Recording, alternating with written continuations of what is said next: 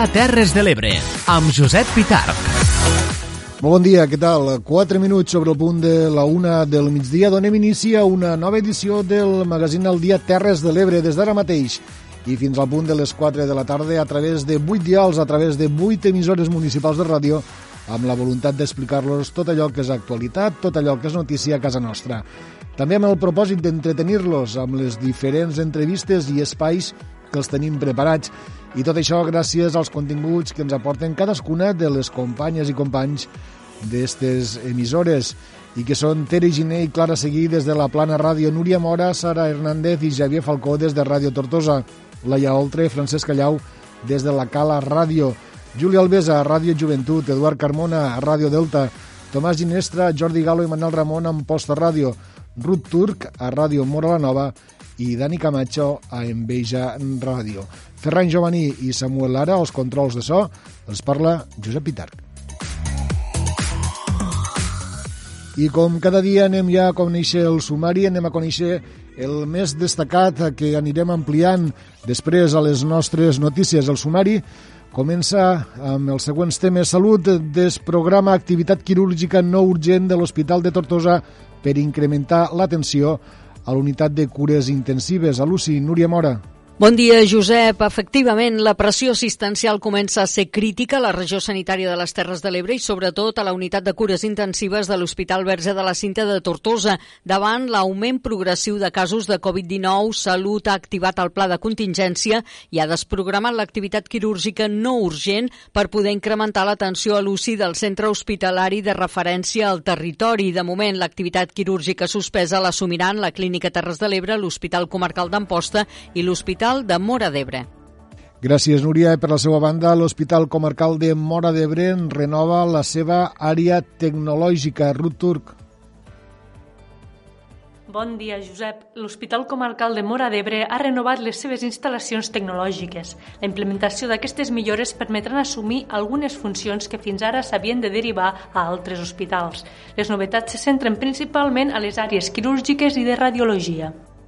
Gràcies, Ruth. Per altra banda, la tercera onada avança imparable a l'Ebre, 131 nous contagis en les últimes 24 hores i l'índex de rebrot a punt de superar, atenció, els 1.000 punts. Els eh, primers 15 dies del que portem d'any, 1.345 persones s'han infectat a la regió sanitària, fet que representa el 18,6% de tots els contagis des de l'inici de la pandèmia, en només 15 dies. Per altra banda, Unió de Pagesos reclama autorització excepcional del fitosanitari Ronstar per a l'arròs i més mesures per tal de fer front als organismes nocius d'altres sectors. També denuncia que la pagesia espanyola pateix una competència deslleial en la utilització dels fitosanitaris. Manel Ramon, en Posta Ràdio. Bon dia, Josep. Avui parlem del sector productiu des d'Amposta Ràdio per dir que Unió de Pagesos ha reclamat l'autorització, com deies perfectament, per poder utilitzar el Romstar, aquest eh, fitosanitari que permet eh, doncs, eh, fer una actuació de preemergència i evitar que posteriorment s'hagin d'aplicar d'altres herbicides que de vegades doncs, causen impactes importants en la, la fauna i la flora del delta de l'Ebre. D'aquest tema en parlarem amb el temps de les notícies. Gràcies, Manel. L'Ajuntament de Deltebre destina quasi 300.000 euros en ajudes a la reactivació socioeconòmica del municipi. Ràdio Delta, Eduard Carmona. Bon dia, Josep. Així ho ha afirmat en roda de premsa Lluís Soler, alcalde de Deltebre, qui ha fet balanç dels ajuts directes i indirectes i de les suspensions tributàries implementades en el marc de la pandèmia de la Covid-19, just una setmana abans de posar en funcionament els nous ajuts d'aquest any 2021. Us donarem tots els detalls en temps d'informatiu. Gràcies. En tornem a la comarca del Montsià. Els alumnes de P2 de la llar d'infants de Santa Bàrbara se someten a proves PCR arran d'un positiu. La plana ràdio Teri Giner. Bon dia, Josep. Així ha estat. Ahir es van realitzar les proves PCR arran del positiu a l'aula de la professora en pràctiques. En total, s'han fet a 11 nens i nenes i a la professora de la mateixa aula. Avui també us parlarem d'una cooperativa textil de Godall, concretament, que ha apostat per l'economia circular, allargant la vida útil de peces de roba que compra les bugaderies industrials i que ven en forma de draps. Tot això us ho expliquem a l'informatiu. Gràcies, Esther. Els Mossos d'Esquadra detenen infraganti dos persones per un robatori amb força a una casa de l'Aldea. Dani Camacho. Bon dia, Josep. Els fets van succeir el passat dimecres quan el propietari de l'immoble va sentir un soroll a casa seva. Immediatament va alertar la policia i els van enxampar. Els mateixos lladres ja havien entrat a la mateixa casa el dia abans. Ampliarem esta notícia en temps d'informació. Gràcies, Dani, i acabarem aquest sumari explicant-los què s'està fent o s'ha fet. De fet, una plantada d'arbres al pati de l'escola Sant Jordi de la Mella de Mar a la recerca d'ombra en un futur. Francesc Callau, la Cala Ràdio. Què tal, Josep? Bon dia. Efectivament, el pati de l'Escola Sant Jordi ha patit en els darrers mesos un canvi important en la seva imatge. S'han fet plantades d'arbres en les darreres setmanes i més que canviarà si es complementa el projecte iniciat per l'AMPA l'any 2018, que té com a objectiu naturalitzar aquest espai i que se'n pugui desenvolupar qualsevol activitat d'educació integral. Gràcies, Francesc. Conegut ja el sumari, conegudes algunes de les notícies. Anem ja a entrar en matèria. Anem a començar l'informatiu de l'Ebre al dia.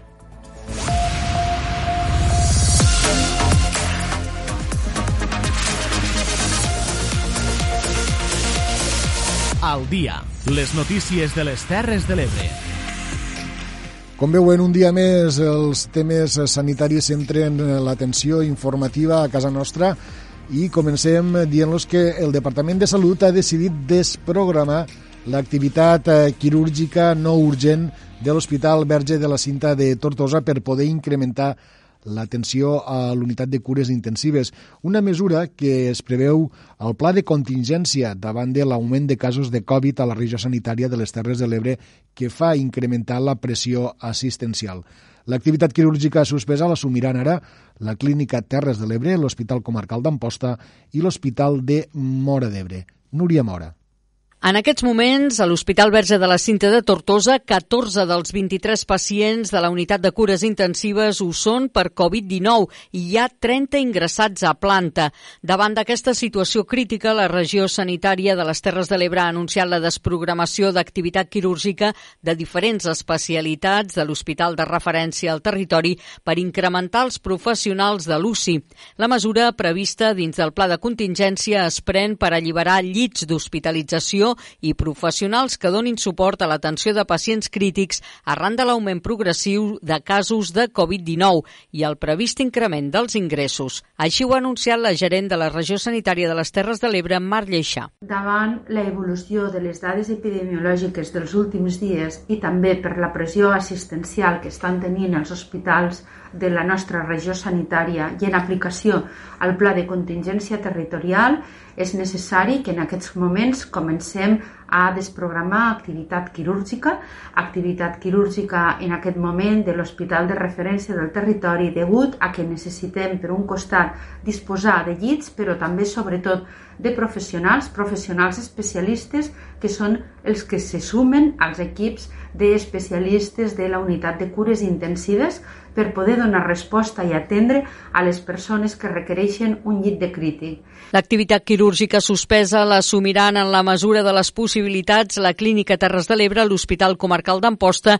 i l'Hospital de Mora d'Ebre. Mar Lleixà ha assegurat, però, que es continua l'activitat quirúrgica urgent i l'oncològica. En aquest moment i en aplicació del Pla de Contingència Territorial s'inicia aquesta desprogramació en funció de les necessitats, preservant en tot moment l'activitat urgent i també l'activitat oncològica i intentant donar resposta des de la resta d'hospitals. La resta d'hospitals poden assumir algunes d'aquestes intervencions que hauran de ser desprogramades els propers dies. Segons el Departament de Salut, actualment a les Terres de l'Ebre hi ha 70 persones ingressades per Covid-19. A banda dels que hi ha al Verge de la Cinta, també hi ha 17 pacients a l'Hospital de la Santa Creu de Jesús, 7 a l'Hospital Comarcal d'Amposta i 2 a l'Hospital Comarcal de Mora d'Ebre. Moltes gràcies, Núria. Nosaltres eh, passem d'un equipament eh, clínic a un altre, ja que l'Hospital Comarcal de Mora d'Ebre ha implementat tot un seguit de millores en l'àrea tecnològica del centre. A partir d'ara es podran assumir algunes funcions que abans s'havien de derivar a altres hospitals. Aquestes millores se centren principalment en les àrees quirúrgiques i de radiologia, però també hi ha previstes millores per a l'atenció a la ciutadania. Ruth Turc. l'Hospital Comarcal de Mora d'Ebre ha renovat les seves instal·lacions tecnològiques. La implementació d'aquestes millores permetran assumir algunes funcions que fins ara s'havien de derivar a altres hospitals. Les novetats se centren principalment a les àrees quirúrgiques i de radiologia. Així ho ha explicat el director d'aquest hospital, Joan Galbany. Un nou arc quirúrgic, que és un aparell de radiologia que permet eh, treballar dins del quiròfan i que ens calia tenir nou aparell d'última generació i també m'agradaria destacar eh, que ja ha començat la reforma d'una sala de radiologia que darrerament havia quedat ja en desús per tal d'instal·lar un telecomandament, que és un aparell de radiologia que ens permet eh, dur a terme proves contrastades de radiologia i que des de ja feia molts anys eh, l'hospital havia d'enviar a fora. Aquesta nova sala de radiologia es posarà en funcionament d'aquí poques setmanes. A més, l'hospital compta amb nous desfibriladors, electrocardiogrames, respiradors, sistemes de monitoratge i una rentadora automatitzada d'endoscopis. Pròximament també es posarà en funcionament un equip complet de control informatitzat de les cues a les consultes externes. A més, la pandèmia ha fet que es prioritzin molt les inversions del servei d'urgències. S'han reformat els boxos d'urgències per fer-los més tancats i fer possible el seu aïllament. Galbany també ha destacat que aquest estiu s'iniciarà la reforma i ampliació de l'àrea quirúrgica.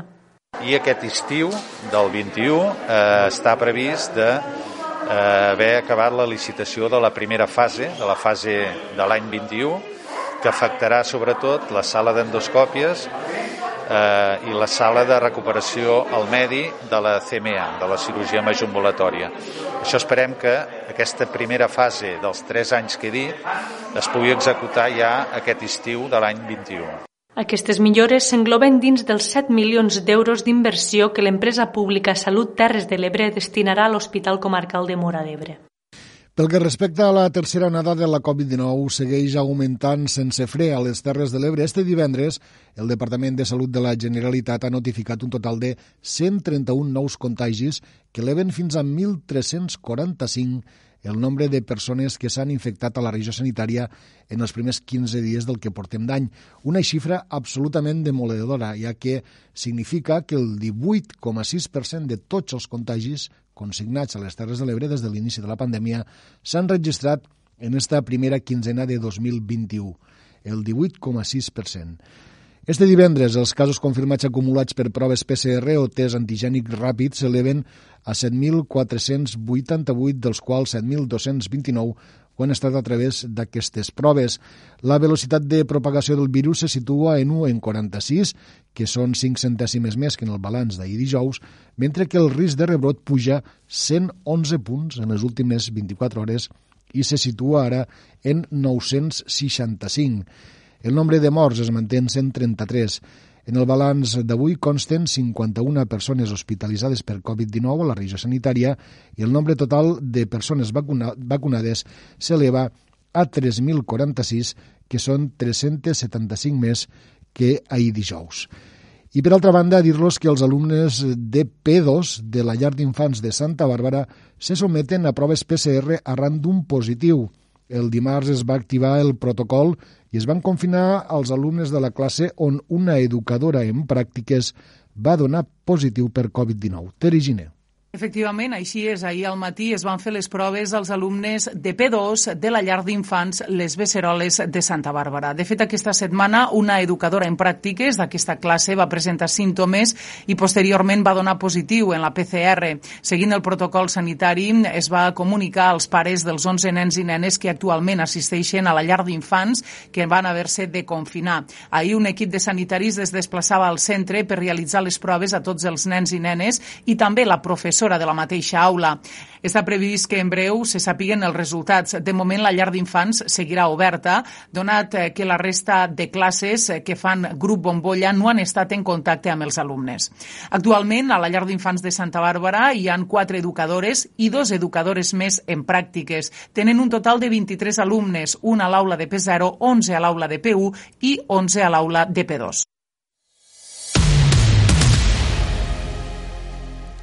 Deixem ja els temes eh, sanitaris. Unió de Pagesos reclama autorització excepcional del fitosanitari Ronstar per a l'arròs i també més mesures per fer front als organismes nocius d'altres sectors. Igualment, denuncien que la pagesia espanyola pateix una competència deslleial en la utilització dels fitosanitaris. Manel Ramon. Efectivament, Unió de Pagesos ha demanat l'autorització excepcional del fitosanitari Ronstar per al conreu de l'arròs en el marc de la Mesa de l'ús sostenible de productes fitosanitaris del Departament d'Agricultura, que va tenir lloc ahir dijous. Els productors d'arròs ja no van poder utilitzar l'any passat aquest producte que s'aplicava com a herbicida de preemergència i evitava que posteriorment s'apliquessin herbicides directament sobre la planta. El sector s'ha vist obligat a utilitzar alternatives que han suposat un increment dels tractaments en realitzar-los en èpoques que causen un impacte més gran per la bifauna del Delta de l'Ebre, a més de suportar una pèrdua de producció d'uns 900 quilos hectària i problemes de fitotoxicitat per a les plantes de l'arròs. Així ho explicava el responsable del sector de l'arròs d'Unió de Pagesos, Albert Pons. Bé, efectivament, eh, el sector de l'arròs anem, com la majoria de sectors, cap a un ús més sostenible del tema dels pesticides i en tenim un, que és l'oxidazón, el, el, el rostar, que l'any passat va caure, va caure de la llista dels eh, utilitzats o permesos en el cultiu de l'arròs. Eh, això ens ha portat una sèrie de, de problemes al cultiu, un, problemes de, de males herbes, i però el problema que hem tingut és que hem tingut de gastar molt més pesticides per a poder controlar totes aquestes males herbes. En la conseqüència que ha portat això eh, també a, a la fauna, ja que has d'entrar al moment que estan nidificant i neixen moltes, moltes aus. Per tant, el que vam fer ahir, una reunió al departament, per tal que traslladen a, a Madrid la, la, la petició del sector, per tal de poder tornar a utilitzar este, este herbicida, que és un dels, dels menys, per dir, agressius de cara, de cara al medi. En aquest sentit, el sindicat recorda que cada any es desautoritzen matèries actives fitosanitàries que funcionen bé i que obliguen a usar-ne de noves més cares i menys eficaces. A més, la pagesia espanyola pateix una doble competència desleal, ja que el Ministeri d'Agricultura no accepta autoritzacions excepcionals de fitosanitaris que sí realitzen altres estats membres de la Unió Europea i tampoc en reconeix de nous ja registrats en altres estats membres.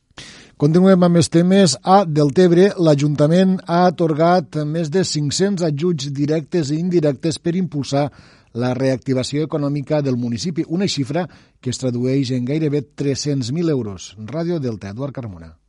Així ho ha comunicat en roda de premsa l'alcalde de Deltebre, Lluís Soler, que ha fet balanç, conjuntament amb les regidores d'Acció Comercial i de Servei a les Persones, dels ajuts directes i indirectes i de les suspensions tributàries implementades en el marc de la pandèmia de la Covid-19 just una setmana abans de posar en funcionament els nous ajuts d'aquest any 2021. En total, durant el 2020 s'han concedit 512 ajuts, la majoria dels quals emmarcats en les ajudes que l'Ajuntament ha adjudicat al teixit econòmic del municipi per fer front a la primera i segona onada de la pandèmia. Escoltem Lluís Soler, alcalde de Deltebre. Podem dir que hem arribat a donar més de 500 eh, ajudes a empreses i a persones, a famílies, eh, empreses i famílies que s'han vist, en aquest cas, eh, en una cobertura per part de l'Ajuntament de Deltebre. Unes ajudes que s'han fet de dues formes, eh, per via directa d'ajut i per la via indirecta de suspensions tributàries, que també havia aprovat l'Ajuntament de Deltebre. Entre el que és la via directa d'ajudes i la via indirecta de suspensions tributàries ens trobem en més de 300.000 euros d'atorgament eh, d'ajudes directes i indirectes en la segona convocatòria, resolta el mes de desembre, els sectors afectats per les restriccions de la Generalitat de Catalunya van poder accedir a ajuts directes d'entre 500 i 800 euros. En la mateixa línia de dinamització econòmica també s'han atorgat ajuts per al patrocini publicitari de la marca del Tebre Atracció Natural, així com també per a incentivar l'emprenedoria i enfortir el sector econòmic. La quantia total destinada a aquestes ajudes és de 300.000 euros, dels quals 200.000 corresponen a ajuts directes. Escoltem la regidora d'Acció Comercial, Ingrid Santiago. Som conscients de la delicada situació que passen els autònoms i les empreses del nostre municipi i la incertesa marcada per aquesta pandèmia que ens afecta en molts estats, sent l'econòmic una de les bases més importants. I des de l'Ajuntament de Deltebre seguirem estant aquest 2021 al costat de totes i tots amb nous ajuts derivats de la Covid-19 i també dels ajuts que tenim ja en estructura aquí a l'Ajuntament. En el cas de les polítiques socials, els ajuts als tributs locals han beneficiat a 114 famílies del municipi. Els ajuts d'urgència social, els ajuts per a la connectivitat i la tarifa social de l'aigua han complementat l'apartat social amb un total de 76 ajuts. Finalment, cal destacar l'Eurodelta, la moneda de Deltebre, nascuda amb la doble finalitat de donar suport a les famílies i d'impulsar el comerç local, la qual ha beneficiat a hores d'ara 52 famílies de Deltebre. Escoltem Lluïsa Ventura, regidora de Servei a les Persones. 52 famílies del nostre municipi han estat beneficiades d'este Eurodelta, s'han distribuït en aquestes 52 famílies 1.135 eurodeltes distribuïts de la següent manera. 328 eurodeltes de 5 euros 525 bitllets d'eurodeltes de 10 i 282 eh, bitllets de 20 eurodeltes eh, per tant 1.135 eurodeltes repartits en aquestes 52 famílies. I el tercer bloc, que és el bloc més d'ajudes socials, més d'urgència, més per a necessitats bàsiques de subsistència i del, bàsiques del dia a dia, dir que per una part tenim les famílies que han demanat els ajuts d'urgència social, 21 famílies que han demanat estos ajuts d'urgència social, 12 famílies que han demanat, degut a la crisi també de la Covid-19, ajuts per a la connectivitat, per a que els seus fills i les seues filles que tenien que continuar en els estudis eh, telemàticament no tenien connectivitat, l'Ajuntament de Deltebre els ha facilitat aquestes ajudes a aquestes 12 famílies i per una altra part 43 famílies que també s'han pogut beneficiar de la tarifa social de l'aigua. A finals de la setmana vinent ja es podran sol·licitar novament els ajuts corresponents per a l'any 2021, exceptuant els específics per fer front a la pandèmia que s'activaran en un altre context. Tota la informació es podrà consultar a la pàgina web de l'Ajuntament de Deltebre, així com també a l'espai d'atenció ciutadana de l'Ajuntament de Deltebre. I no ens eh, movem del Delta de l'Ebre perquè el temporal Filomena va afectar greument l'illa de Buda Guillermo Borés, propietari de gran part dels terrenys d'aquesta illa, de l'illa de Buda, ha demanat eh, solucions urgents per frenar la situació crítica que viu aquest espai. Així és, després del temporal Filomena s'ha evidenciat un altre cop la regressió que pateix el Delta de l'Ebre. El propietari de la meitat dels terrenys de l'illa de Buda, Guillermo Borés, demana que se facin actuacions ja i demana no esperar el traspàs de sediments que tardaria, diu, més de 10 anys. Bueno, la solució és molt clara és molt clara, és, no es pot dir ni discutible, no? La solució passa pel moviment massiu d'arenes a través d'un sistema de dragues potents. Eh? Els, els que volen fer baixar sediments dels pantans, jo ja els diria que els sediments els tenim aquí baix, no? que la situació és d'emergència i que les emergències requereixen de mesures urgents, d'actuacions urgents. No? El moviment massiu d'arena eh, implica que econòmicament això és viable, mediambientalment és sostenible, és efectiu com a solució, és d'execució immediata, que això és el que requereix aquest, aquesta emergència que patim, una execució immediata de, de la solució que nosaltres decidim, no? Mm -hmm. I ho estan fent a tota Europa. Bores posa en evidència que els governs tant català com espanyol no s'han posat les piles i que ara se poden veure les conseqüències. A més de la regressió de la costa, el propietari afirma que durant l'últim temporal les llacunes s'han omplert d'aigua salada i que això provocarà la mort de la fauna aquàtica. I continuem amb tu, Dani, perquè de fet eh, diverses, eh, del fet divers volem dir, avui hem de destacar que els Mossos d'Esquadra han detingut infraganti dos persones per un robatori en força a una casa de l'Aldea. Els fets van ocórrer el passat dimecres, és així, no, Dani? Agents de la policia dels Mossos d'Esquadra, amb la col·laboració dels vigilants municipals de l'Aldea, van detenir este passat dimecres un home i una dona de 30 i 35 anys com a presumptes autors d'un delicte de robatori en força. Els fets van succeir el passat dimecres a les 10 i mitja de la nit, quan un veí va alertar els vigilants municipals de l'Aldea perquè escoltava sorolls sospitosos a l'interior d'un immoble de la seva propietat.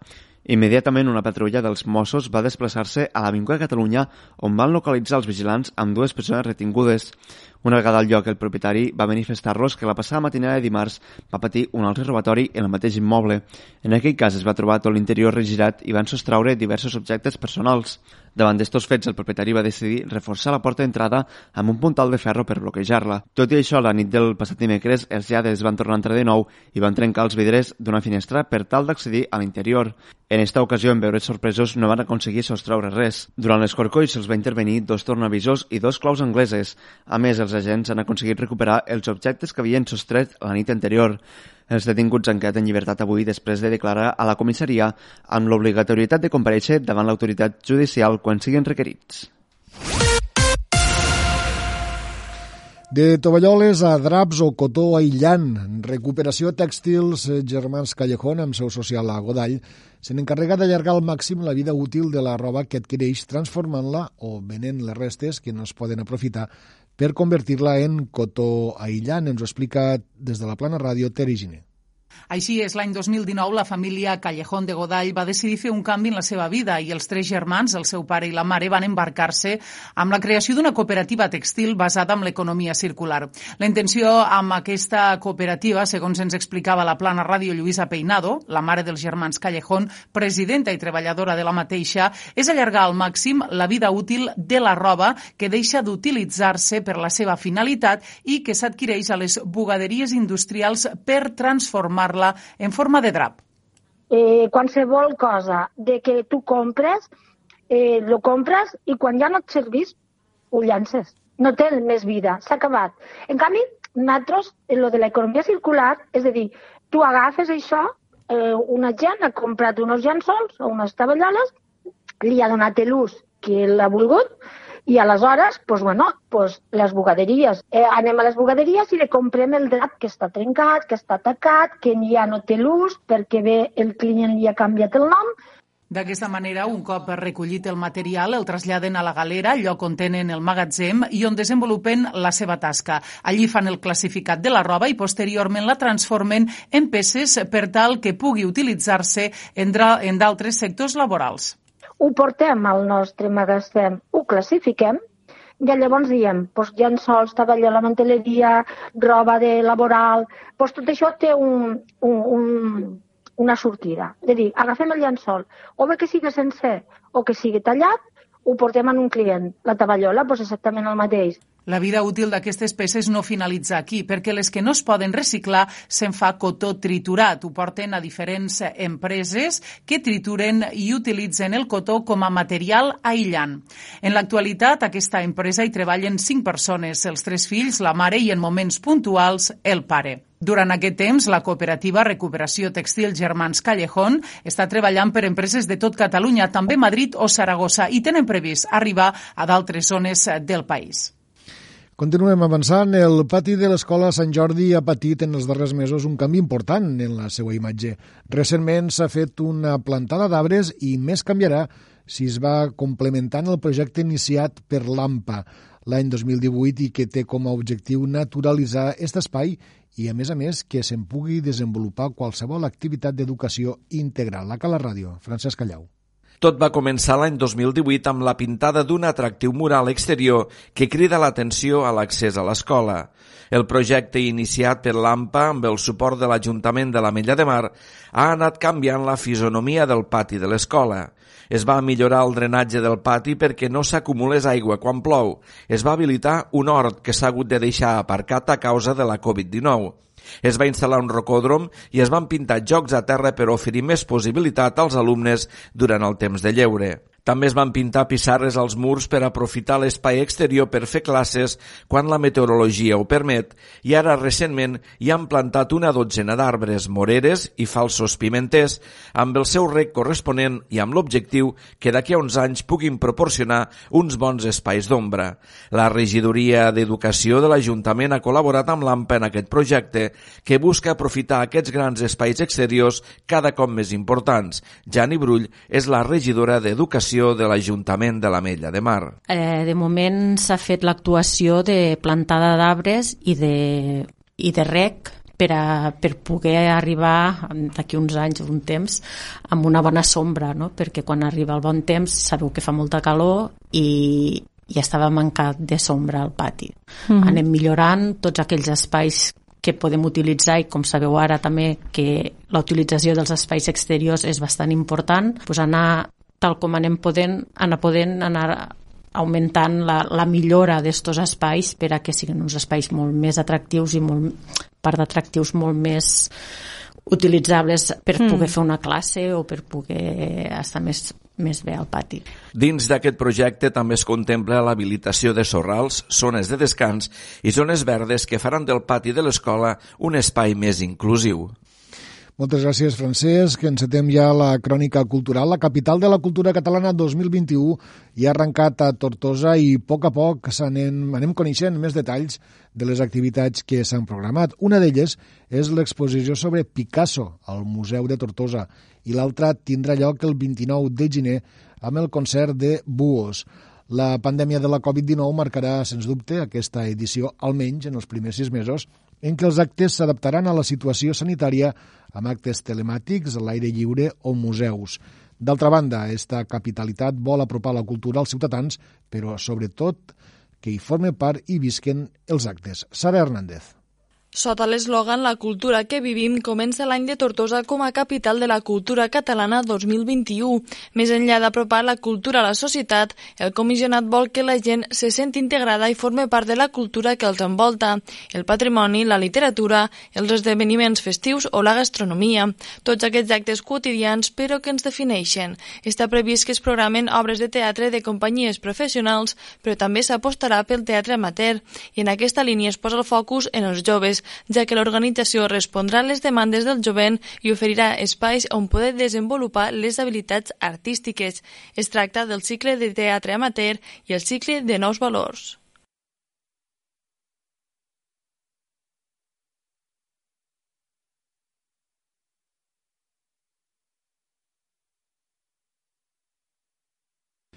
Bé, sembla que hem tingut algun problema amb aquesta, amb aquesta, crònica, amb aquesta crònica. Nosaltres continuem avant per dir-los que Abel Borràs eh, copa el podi dels Premis Sant Bori d'Òmnium Cultural a les Terres de l'Ebre. L'estudiant Calero és el primer classificat del cicle mitjà d'este premi en el que participa l'Escolta Sant Jordi i una trentena més de centres educatius de totes les Terres de l'Ebre. Francesc Callau. El calero Abel Borràs ha sigut guardonat amb el primer premi de cicle mitjà per haver escrit un conte titulat Llàgrimes de sal, inspirat precisament per la novel·la d'Àngel Martí, que pren el mateix títol. Abel Borràs. Estic molt content d'haver guanyat este premi Sant Bori Òmnium 2020. El conte que vaig escriure està relacionat amb el nostre poble, la Cala. Estiu Llàgrimes de sal, on em vaig inspirar amb la novel·la de l'Àngel Martí. Aquest premi simbolitza molt per mi, perquè és el primer que guanyo i espero seguir millorant i aprenent. Moltes gràcies. El Premi Sant Bori 2020 d'Òmnium Cultural és un premi escolar de narrativa que té per objectiu promoure l'ús literari del català a l'educació primària, secundària i postobligatòria d'escoles i instituts del Principat, la Franja, Andorra i Catalunya Nord. Malauradament, l'emergència sanitària de la Covid-19 va obligar a anul·lar l'esdeveniment en el qual s'havien d'entregar els guardons als premiats.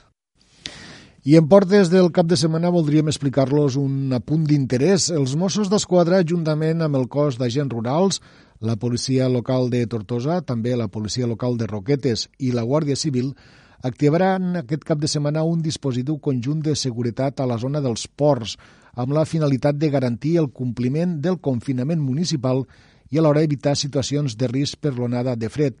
Des d'avui mateix, des d'avui divendres i fins diumenge, es controlaran els vehicles que accedeixen al massís per la pista forestal que dona accés a Caro i que transcorre pels termes municipals de Roquetes, Tortosa i Alfara de Carles i també l'accés per Pauls i els de eh, la Terra Alta. El passat cap de setmana, entre els dies 9 i 10 de gener, en plena activació de fase de l'alerta per el Neucat, per la tempesta Filomena, es va detectar un gran nombre de vehicles que volien accedir als ports, tot i les difícils condicions en què es trobaven les vies i la restricció de mobilitat municipal. Per este motiu, es van denunciar diumenge fins a 30 conductors per incomplir la restricció.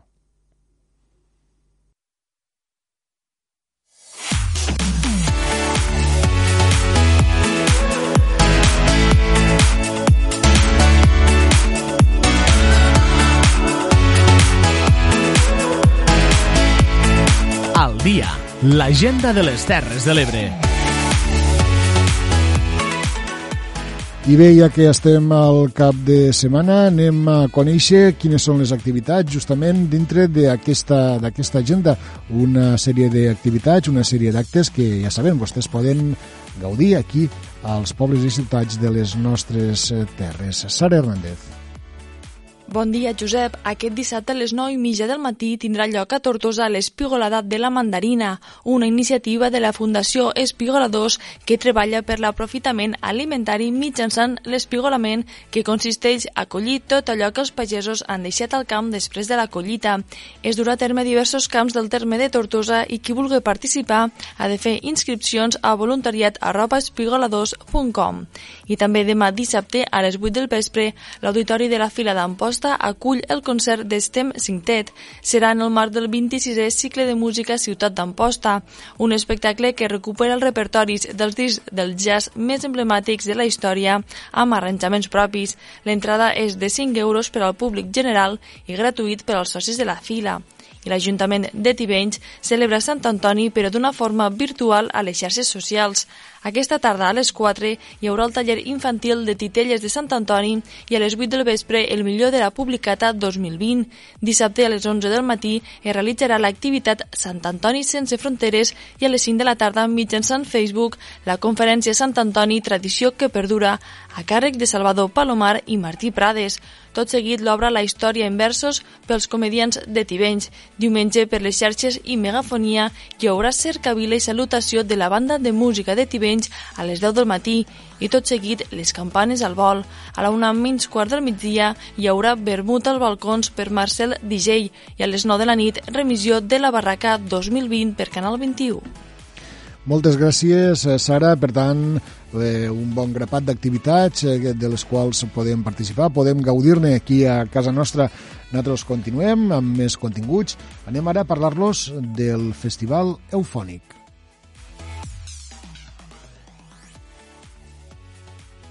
I és que l'extensió urbana del Festival Ebrenc Eufònic arriba a la vuitena edició. Se celebrarà a Barcelona, al Centre d'Art Santa Mònica, durant els dies 4, 5 i 6 de febrer se podrà veure una essència de les Terres de l'Ebre a la capital catalana i per això els companys d'Enveja Ràdio han pogut parlar amb el director del festival, amb Vicent Fibla. Per tant, Dani, quan tu vulgues. L'Eufònic és un festival al voltant de les arts sonores, visuals i digital performatives que se celebra a la Ràpita a finals de l'estiu i d'altres poblacions de les Terres de l'Ebre. I ara arriba al febrer una expansió urbana a Barcelona els, els dies 4, 5 i 6. Saludem al director del, del Festival Eufònic, Vicent Fibla. Bona tarda. Bona tarda. Què se podrà veure als Arts Santa Mònica este febrer? Pues com sempre, en esta idea de, de l'extensió urbana, Teofònic és clarament un festival que només pot passar a Terres de l'Ebre, eh, traslladem algunes de les coses que s'han fet durant els dies del festival, que va ser a l'agost, i, i sempre hi ha també alguna, alguna proposta nova. Coses creades en residència artística allà, actuacions que s'han vist a diversos espais, sigui d'Amposta, de la Ràpita, de Tortosa, i que ara s'adapten al context este urbà del fet d'un centre d'art que està al mig de les Rambles. Podrem veure també com una essència del Delta de l'Ebre, no? Bueno, sempre està present, sempre està present perquè sempre hi ha treballs que, que arrastren l'ADN, diguem-li, del lloc on s'han creat, com per exemple hi ha un projecte d'uns nois bascos que són David Aguilar i Ander Fernández que van crear un treball que era cartografia d'un raig a partir dels raigs que van caure durant la temporada Glòria, que ara ja fa un any pràcticament, no? i que pren com una forma de cineconcert a partir de la investigació dels raigs que anaven caient en aquell territori. Això, evidentment, quan després viatja i ho ensenyes a un altre lloc, el que fas estàs parlant de, de l'espai on s'ha creat. Què els porta a la, a la gent de, de fora, potser de les Terres de l'Ebre, eh, poder veure coses que porten de les Terres de l'Ebre com del Delta Bueno, una mica nosaltres sempre hem partit d'aquesta idea que té al principi de l'extensió, no? I aquesta extensió és com una adaptació de les coses. Per una banda eufònica és un festival que tu has d'anar, has d'anar cap allà, és una idea experiencial, o sigui, has d'estar allà mig, has d'estar en diversos pobles, dins del de l'Ebre, i és final d'estiu, i és una cosa, però després, per a aquesta públic urbanita, diguem-li, el que fem és ensenyar-los algunes coses que s'han pogut veure allà, que ara aquí les veuen adaptades, en la qual el que han de fer és tindre ganes d'anar a Terres de l'Ebre a l'estiu de l'any que ve, no? que aquesta és bona part de, de la idea. O jo crec que els ho permet apropar-se no només a lo que és propostes artístiques creades del Delta de l'Ebre, sinó entendre que a la perifèria passen coses, no? que, que evidentment una ciutat és un context on hi ha moltes propostes i culturals, no cal ni dir-ho, però que ara i cada vegada més hi ha més propostes que passen al, a les, als entorns rurals i perifèrics. No? I això és una cosa que crec que és un dels missatges potents del fet de fer un eufònic urbà un centre d'art com, com Santa Mònica. Encara no heu desvetllat tot el cartell complet, però fet algun avançament.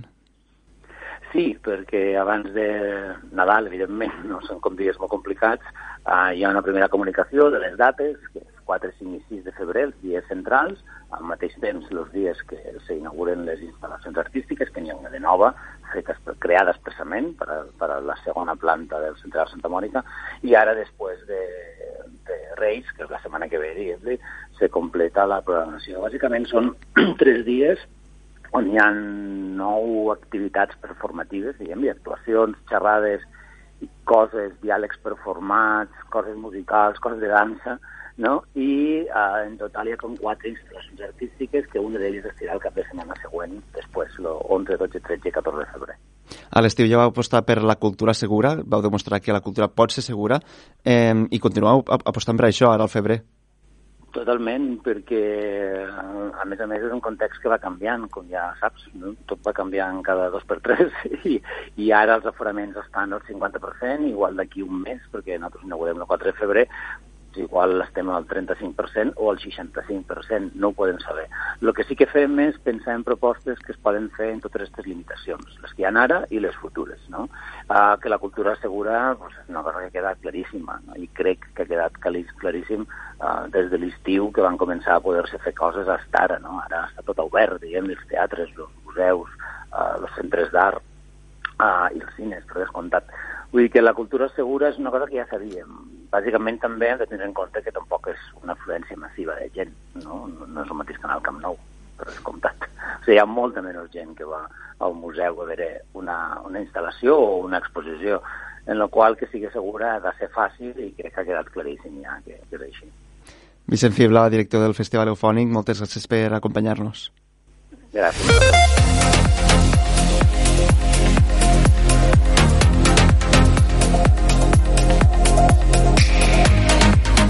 Un quart d'hora per arribar al punt de les 2 de la tarda. Continuem endavant. El temporal marítim provocat per la borrasca Filomena ha colpejat amb força novament la costa del Delta de l'Ebre. L'efecte més visible ha estat el quart trencament de la barra del Trabucador. L'aigua de la mar també va entrar als arrossars de l'illa de Budà i també la platja de la Marquesa del Tebre ha retrocedit una vegada més de manera considerable la línia de costa. Senyor Antoni Espanya, bona tarda. Hola, bona tarda. El senyor Antoni Espanya és el cap provincial del Servei de Costes a Tarragona. Senyor Espanya, Filomena ha tornat a colpejar el delta, ha trencat el trabucador, dèiem, per quarta vegada, ha inundat l'illa de Buda. Després del temporal, quin és a dia d'avui l'estat de, del delta de l'Ebre? Bé, eh, és cert que el Filomena va ser un temporal d'alta intensitat, va durar poques hores, però va bufar vents de 50 km en ratxes més fortes i va provocar alçades d'ones de fins a 5 metres. Eh, ara, després d'una setmana, ja la mar ha tornat a la seva normalitat, ja podem apreciar exactament què és el que ha passat. Eh, bàsicament, el, la pitjor part se l'ha endut el trabucador, on aproximadament uns dos quilòmetres del sis han quedat submergits sota pam i mig d'aigua. Eh, eh, després, eh, la illa de Buda, és cert que en primera instància va entrar una mica d'aigua de mar a la zona posterior dels arrossars, però mm, tot el que és el frontal marítim de la, de la illa i de la comunicació entre la llacuna i el mar eh, va quedar intacta, és a dir, no s'ha obert cap canal de comunicació, i després el cordó dunar, que protegia la zona entre la de la desembocadura i el fangar que vam executar de 6 quilòmetres, mm. ha aguantat perfectament l'onatge, però a costa de que ha quedat molt malmès i, evidentment, s'haurà pues, de refer. Per tant, a, través, a partir d'aquestes eh, eh, noves afectacions eh, se preveuen eh, noves, eh, noves actuacions, no? Bueno, eh, des del Servei Provincial de Costes hem fet una valoració de danys que s'ha enviat ja a Madrid eh, perquè se mire la possibilitat de tornar a actuar. Però és una decisió que no em correspon a mi. Jo he fet una valoració de danys de, del que ha passat i el que hauríem de fer perquè els nous temporals que segurament ens vindran en, el futur, ara ja estem molt entrats l'hivern i difícilment tornarem a tindre temporals d'esta virulència com els que hem tingut, no? Però, bueno, després del, vindrà la primavera, que també és una, una època que poden haver temporals i, i la meva preocupació és la fragilitat en la que tenim actualment la costa del Delta i si no reforcem les actuacions que vam fer, doncs tornarem a patir. Mm. Parlava especialment de l'afectació al trabucador, dos quilòmetres per sota de, de l'aigua, un pam i mig d'aigua. Eh, alguns sectors conservacionistes, senyor Espanya, diuen que, que el moviment de, de sorres no arregla no arregla res, que, que la solució està en els sediments. Per altra banda, a la taula de consens hem sentit que es reclamen mesures més contundents els pagesos han posat el crit al cel per, de, per, per permetre que es puguin perdre 500 metres de costa. Infosa reparteix culpes entre les dues administracions. Les propostes que pel moment se coneixen del Ministeri sembla que no, no estan tenint massa acceptació. Sí, bueno, de tot el que has dit, el, que, primer el que vull deixar clar és que si no haguéssim posat eh, arena, com diu, eh, uh -huh. als puestos que l'han posat, eh, el, ara no estaríem parlant de que el trabucador està dos quilòmetres sota l'aigua, sinó estaríem parlant de centenars o milers d'hectàrees inundades al marge esquerre. Per tant, la gent ha de ser conscient que les actuacions d'emergència, que han consistit bàsicament, efectivament, com tu dies, en moure arena d'un lloc a l'altre, han servit per protegir eh, sobretot el marge esquerre, la llei Buda, i ha donat molta consistència a la barra del trabucador, perquè si no haguéssim aportat 350.000 metres cúbics, ara en lloc d'haver dos quilòmetres baix, pam mig d'aigua, possiblement hi haurien el doble i a més profunditat. Eh, dit això, eh, la gent també ha d'entendre que l'Estat ara actuem eh, perquè algú ho ha de fer, perquè de moment hem estat sols en això eh, en obres d'emergència, però en paral·lel, des del primer dia hem estat treballant en un pla de protecció del Delta, que ja vam fer un abans fa, fa poc, a, a mitjans de novembre, a la taula de consens de la Generalitat, que efectivament, que tu, com tu dius, en primera instància no va causar bona, bona sensació, però que eh, els hem donat tràmit d'audiència, els hem demanat que facin col·laboracions i d'aquí poc sortirà informació pública perquè tothom, eh, des d'entitats eh, particulars del Delta, puguen dir la seva. I este pla preveu tota una sèrie de mesures estructurals i ja abandonarem aquesta situació de contínues obres d'emergència que no, evidentment, eh, mentre tinguem aquesta meteorologia tan, tan convulsa, pues, eh, és l'únic instrument que tenim per recuperar la normalitat de la costa del A, a l'espera del, del pla, eh, continuem parlant de les obres d'emergència, eh, el Departament de Territori i Sostenibilitat de la Generalitat eh, diu que l'Estat ha denegat al govern espanyol, al govern català, perdó, la capacitat d'actuar d'emergència al Delta perquè es tracta d'una competència exclusivament estatal. També sabem que des del PSC han acusat el Departament de, de Territori de mentir, intoxicar l'opinió pública. No s'estan una mica tirant la pilota d'uns als altres? Bueno, jo no entraré en picar, balla, picar baralles polítiques, el que sí que puc dir pel, pel, pel càrrec que ocupo és que eh, la, la Generalitat va enviar a finals d'any una proposta genèrica d'actuació al govern de l'Estat, eh, a la Direcció General de Costes de, del Ministeri, i la Direcció General li va contestar que li semblava molt bé la voluntat de la Generalitat d'actuar al Delta de l'Ebre i que ells estaven encantats que així fos, però que, si us plau, enviessin una, una proposta concreta de tipus enginyeril, és a dir, quantificant volums d'arena a extraure, punts concrets d'extracció, eh, mitjans d'extracció i, pressupost, no? I això és el que no s'ha fet. Quan, això, quan la Generalitat faci això, l'Estat no tindrà cap inconvenient en ràpidament autoritzar eh, les actuacions que vulgui fer la Generalitat, evidentment sempre que vagin en la línia del que ja s'ha avançat en el pla de protecció que es va, que es va presentar, que bàsicament són doncs, moviments d'arenes des del fangar i la punta de la banya a les zones més fràgils. Eh, també hem de treballar en zones d'acomodació, com dèiem abans, i començar a mobilitzar sediments fluvials, que això és un horitzó una miqueta més, més lluny. El vicepresident Pere Aragonès ha dit recentment que en el tema de la compareixença que va fer davant dels mitjans trucaria al president Pedro Sánchez per tal de, de parlar-ne de, del tema. Eh, a vostè li consta que la trucada s'hagi produït? Ho sé, m'ho han dit perquè he tingut contactes en, en la taula de consens al respecte i no em consta que, que s'hagi fet. Sé que hi ha la voluntat per part del govern de la Generalitat d'establir de, una, algun tipus de col·laboració permanent amb l'Estat.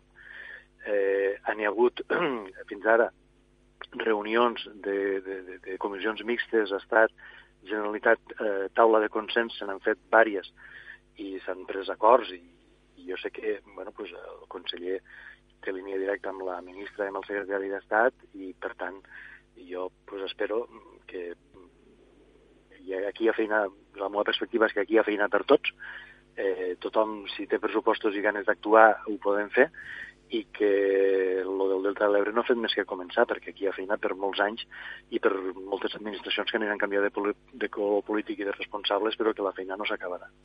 Eh, tenim pocs minuts, però encara no voldria acabar sense fer també eh, una altra pregunta. La Generalitat eh, torna a demanar al govern espanyol la creació d'una comissió mixta per, per fer aquestes actuacions d'urgència i també a mitjà i llarg termini.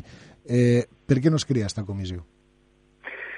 Bueno, perquè l'Estat va considerar que el marc de relació era el que, el que va proposar la taula de consens, de fer unes, unes, com, unes comissions, perquè eh, la, la Generalitat el que proposa és una comissió bilateral Estat-Generalitat. I el Ministeri el que li va dir, diu, ja que la, la taula de consens, que al, al, al capdavall és qui representa els ens territorials del Delta de l'Ebre, els ajuntaments i les comunitats de regants, és, el, és un marc idoni per anar comunicant-se i treballant i com he dit abans s'han fet ja algunes reunions, eh, s'han pres eh, acords eh, i, bueno, i aquesta bilateralitat que demana la Generalitat, que fins ara no s'ha concretat, doncs, el que entenc jo que el, que el vicepresident Aragonès i el conseller Calvet eh, proposaran ara a, a l'Estat i el que es tracta al final és trobar un encaix, una fórmula de, de treball, ja sigui via conveni, ja sigui eh, via una comissió de, permanent de treball, eh, però bueno, ja és una cosa que no em correspon a mi decidir, sé que hi ha moviments en aquest sentit i jo, pues,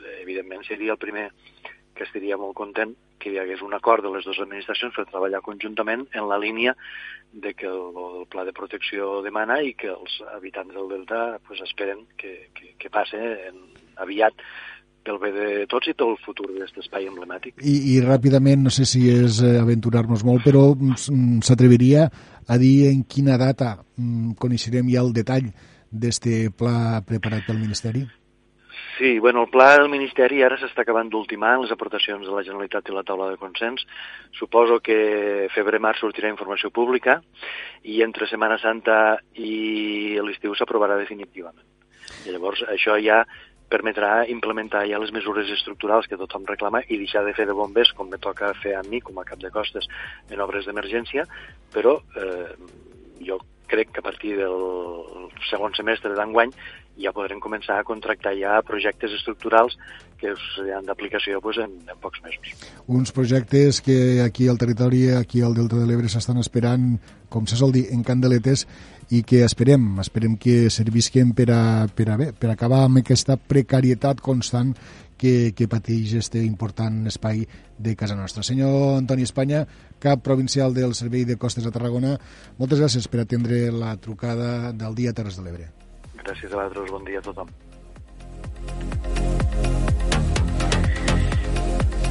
Pocs segons ja per arribar en aquest cas al butlletí, a la desconnexió que precedeix al butlletí de les 2 de la tarda. Nosaltres ara fem aquesta aturada, en recuperarem el programa a partir aproximadament a partir de les 2 i 4 minuts. Fins ara.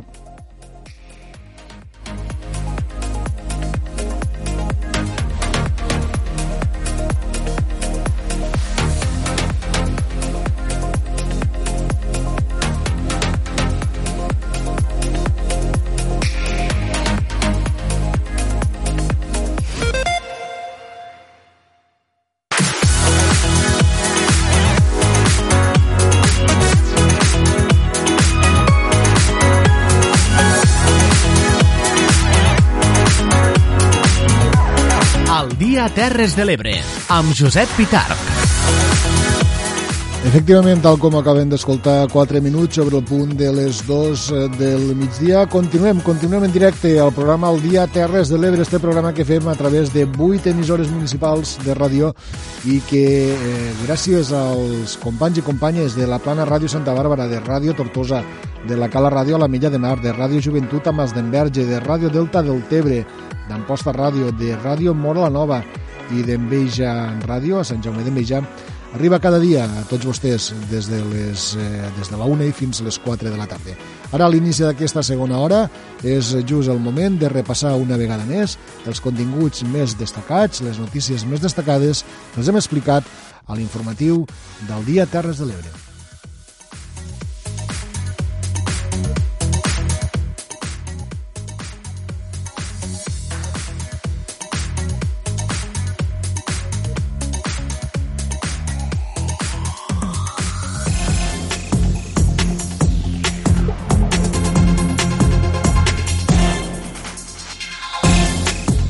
L'Hospital Comarcal de Mora d'Ebre renova les seues instal·lacions tecnològiques. La implementació d'aquestes millores permetran assumir algunes funcions que fins ara s'havien de derivar a altres hospitals.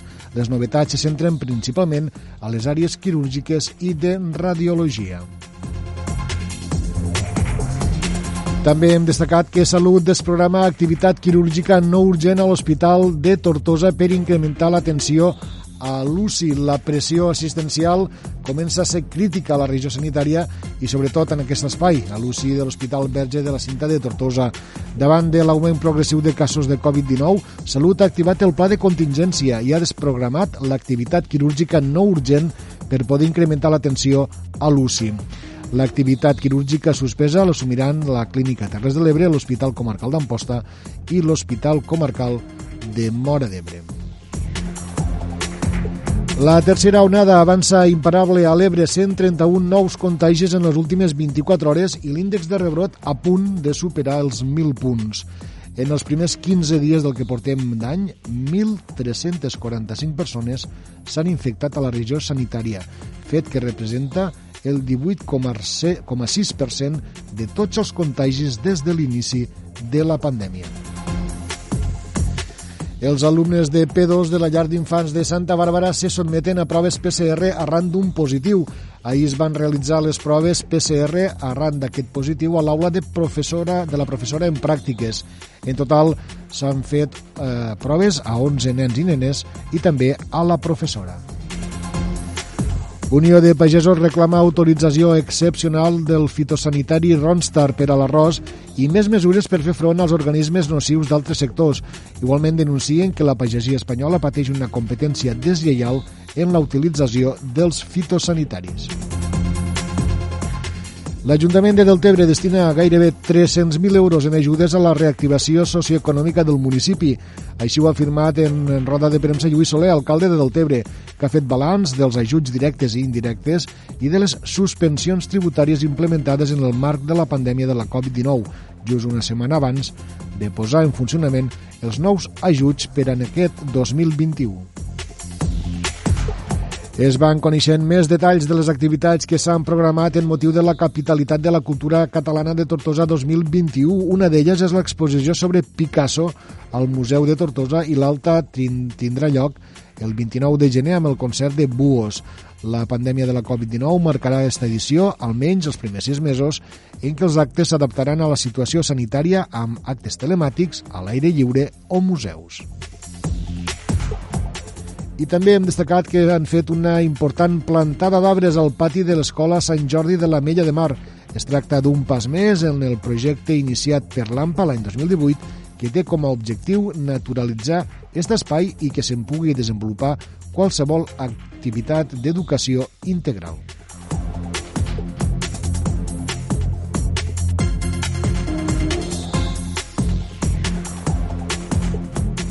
I un cop han repassat els principals arguments informatius de la jornada d'aquest 15 eh, de gener, d'aquest divendres 15 de gener, anem a, a repassar ara el que va succeir eh, tal dia com avui, però de fa uns quants anys. Són les nostres efemèrides i que, com cada dia, ens aporta Maria Barberà.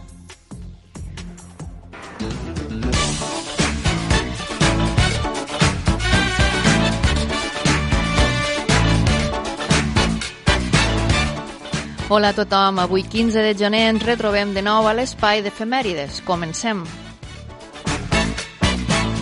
El 15 de gener de 1759 s'inaugurava a Londres el Museu Britànic gràcies a la voluntat del metge naturalista Sir Hans Sloane que va voler que la seva col·lecció particular, formada per més de 70.000 peces, es conservés intacta després de la seva mort. Al 1929, un 15 de gener, naixia a Atlanta Martin Luther King, pastor de l'Església Baptista i activista negre que lideraria una crida als ideals nord-americans i cristians, a més de ser un abanderat i líder en la lluita pels drets civils, una tasca que li va portar a guanyar el Premi Nobel de la Pau al 1964. El 15 de gener de 1932, Niceto Alcalá Zamora, president de la República, inaugura a Madrid el primer edifici de la ciutat universitària, la Facultat de Filosofia i Lletres. Al 1936, un 15 de gener, es firma a Espanya el pacte electoral del Front Popular pel que els republicans, socialistes i comunistes s'unifiquen en un sol partit, que serà elegit un any més tard.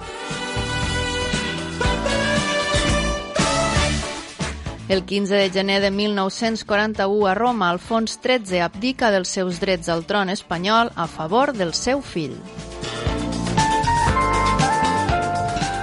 El 15 de gener de 1943 s'inaugura a Virgínia l'edifici d'oficines més gran del món, el Pentàgon.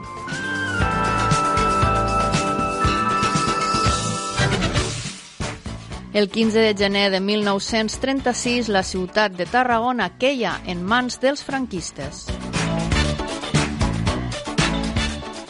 I ja al segle actual, un 15 de gener de 2001, començava oficialment el projecte de la Wikipedia. L'any 2009, un 15 de gener, té lloc l'amaratge d'un avió Airbus 320 al riu Hudson, a Nova York, pilotat per Chesley Schulenberg. Ens acomiadem ja per avui. Feliç jornada.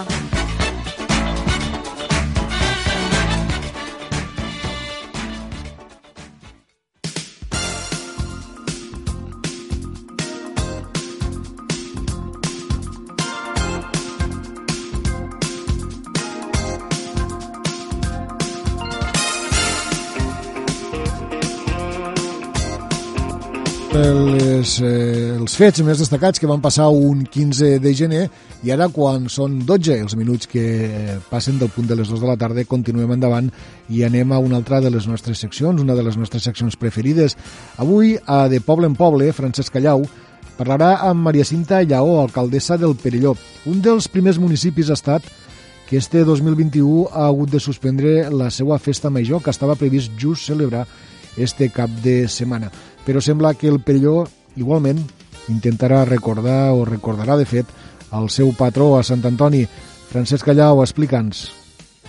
Si estéssim en una època de normalitat, segurament avui seria un dia en què la música de xaranga se sentiria pels carrers del Perelló.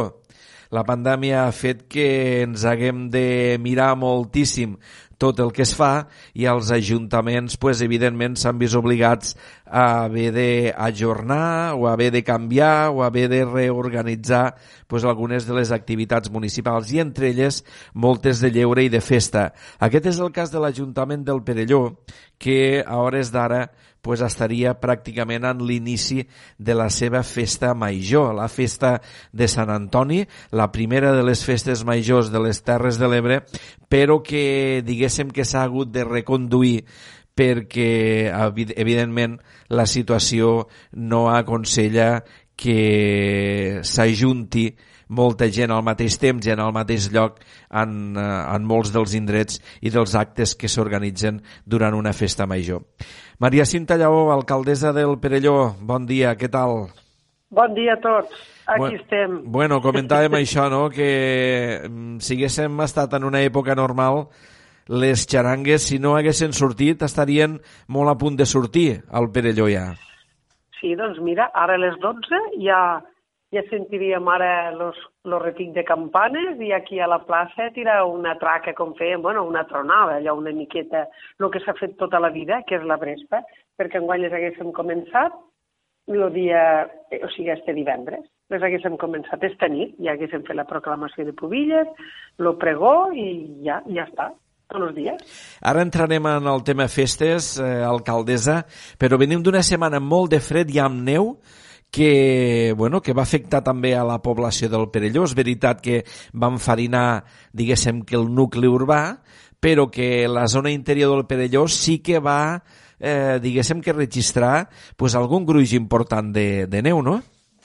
Sí, hi havia llocs cap al Burgà, que tots no coneixeu, allí es va passar els 5, 5, hi havia llocs que van arribar als 50 centímetres de neu i algun lloc se va, hasta va superar esta, esta, va superar els 50 centímetres i hi ha molt de mal, segons quin lloc, molt de mal als arbres.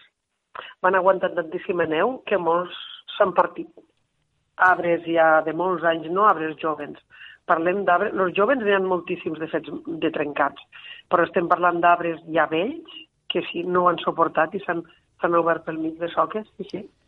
Eh, clar, aquesta és una, és una nevada històrica, és a dir, el Perelló, home, no cada any, però de quan en quan sí que heu registrat nevades, però aquests 50 sí. centímetres de neu, déu nhi No, mai. Em farien els carrers, pues sí, ara feia anys que no ho feia, però sí, pues aquella miqueta de blancor que a tots mos agrada tant, però a esta vegada això ja no estem acostumats a tot això. No, no, això semblava el Pirineu. I no. Suposo sí. que en un poble, mm, diguéssim que anem a dir eminentment pagès com el Perelló, l'afectació que vostè comentava en quant als arbres, eh, bueno, serà preceptiu d'un recompte o una mena d'informe posterior quan s'acabi tot per veure quin ha estat el, el mal no?, que s'ha fet finalment? Sí, el grau d'afectació de tot. Mira, ahir en parlàvem amb el delegat, el no delegat d'Agricultura i ells estimen que hi ha unes 30.000 hectàrees afectades. Clar, eh, diu, això eh, has d'entendre que un per un no hi podem anar, se farà una valoració general i després ja ens sentarem en una taula eh, en altres administracions superiors i a veure què es fa per ajudar una mica en aquest sector, perquè de veritat que n'hi ha de mal, sí, n'hi ha, n'hi ha. 30.000 hectàrees afectades, però a les Terres de l'Ebre, no al Perelló sol, o al Perelló. No, no, no, no, ell comptava tot a les Terres de l'Ebre. Sí, sí, sí, home, perquè tots sabem que aquí dalt, a la Ribera d'Ebre i Terra Alta i, i, i, bueno, i el Priorat, bueno, és, ja ho sabem com està tot, encara ara, eh? Sí, hi ha pobles que encara estan molt malament. Eh, pues sí, pobles que estan malament. Queda neu encara pel Perelló com en altres poblacions? No hi ha, no? Suposo? No, cap allà dalt al Volgà pot ser alguna raconada, però no, no, això és cap allà dalt ja i molt poqueta, no, no molt poqueta.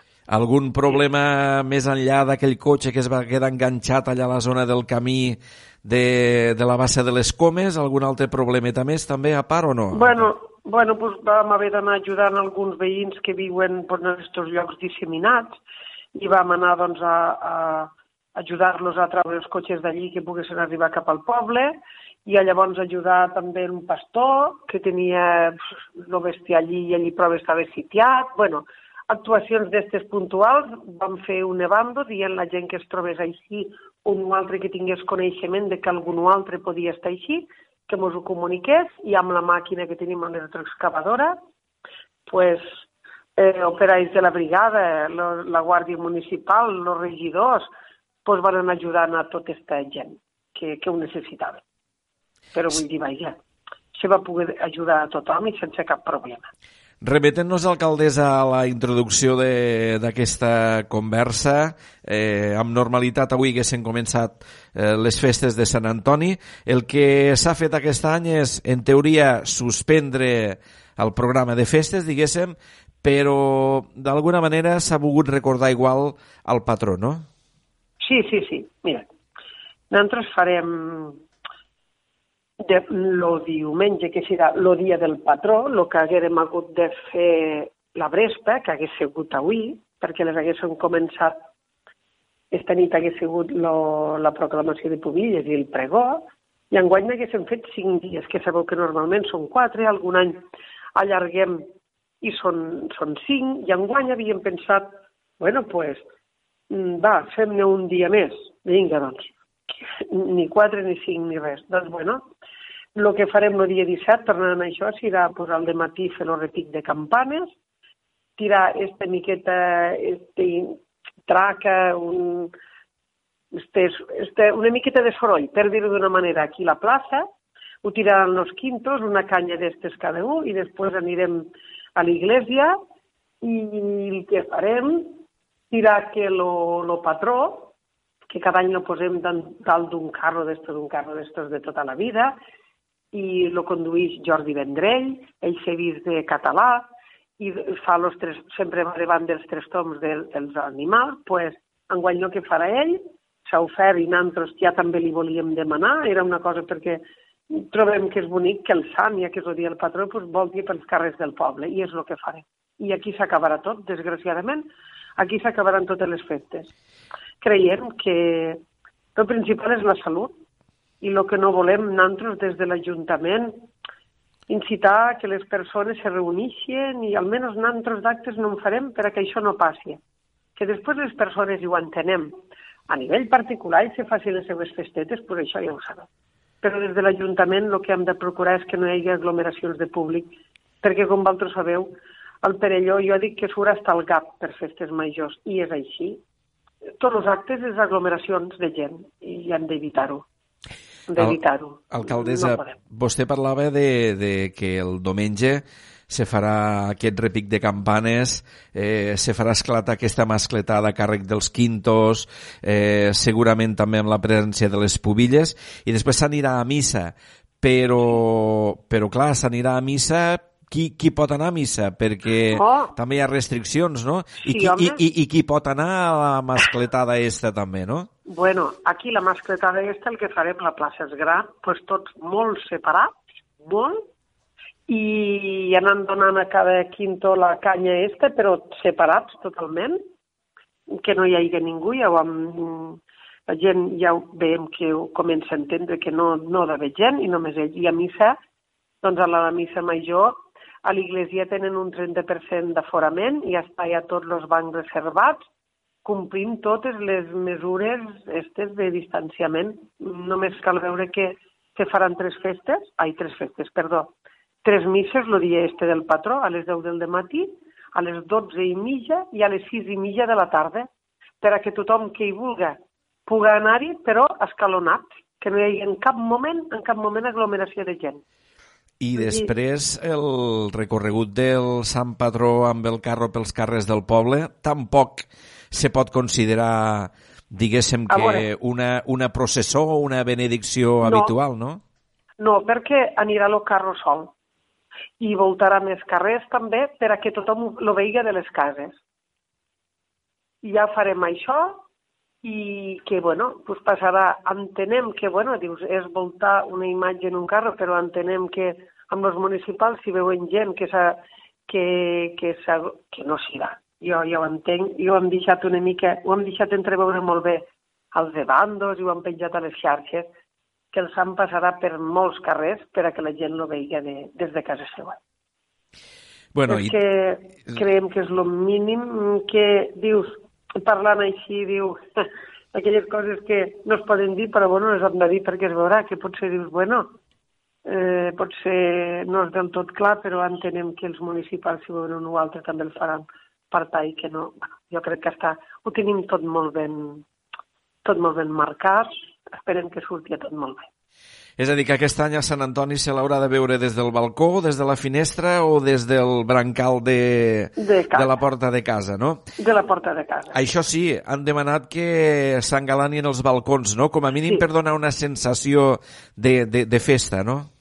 Sí, nosaltres hem demanat als veïns que, doncs, bueno, el que fem normalment i enguany voldríem que ho fes més gent, que, que engalanin els balcons amb la bandera del poble i el domàs de Sant Antoni amb, amb el sant. Eh, nosaltres a l'Ajuntament, el dia de Sant Antoni, també posarem els faldons, on no ara deixeu-me, disculpeu-me perquè no li trobo el nom adequat, els faldons que tenim de vellut, que posem al balcó de l'Ajuntament, que és el que, bueno, dona entendre que és festa major, però simplement estaran el dia de Sant Antoni perquè creiem que els altres dies no és cap festa eh, i els retirarem i ja està. Eh, tenen, si aquesta pandèmia, aquesta situació actual eh, millorés, alguns dels actes habituals de la festa major, no sé, a veure, eh, vaig, a, vaig a dir, pot ser un dels més populars, la festa del Calmant, per exemple, eh, se traslladarà a una altra època de l'any. Ho dic, per exemple, perquè a, a l'Ajuntament de la Gala han dit mira, no farem la Candelera, però ho traslladarem a Sant Pere. L la idea és esta també al Perelló, el fet de, de dir, pues mira, si a l'estiu estem mig clars, pues a lo millor algun dels actes habituals de, de Sant Antoni pues lo traslladem a, en una altra època de l'any, per què no? Vale. I ara, I ara us faré a vosaltres la pregunta. I ho podrem fer? Tenim perspectives de poder-ho fer durant l'any? És que posar com aquell que diu la mel a la boca i després no poder-ho fer? Anirem veient. No estem tancats a res tots tenim ganes de festa perquè sabem que a tots ens agraden les festes i, i després de tot el que estem passant ho necessitem. I l'Ajuntament, evidentment que la, la mínima que es pugui fer alguna cosa ja mos ho cavilarem bé i farem el que haguem de fer d'això. No ha de tindre dubte ningú, ningú. Però, clar, dir, farem això, farem allò, jo... No jo.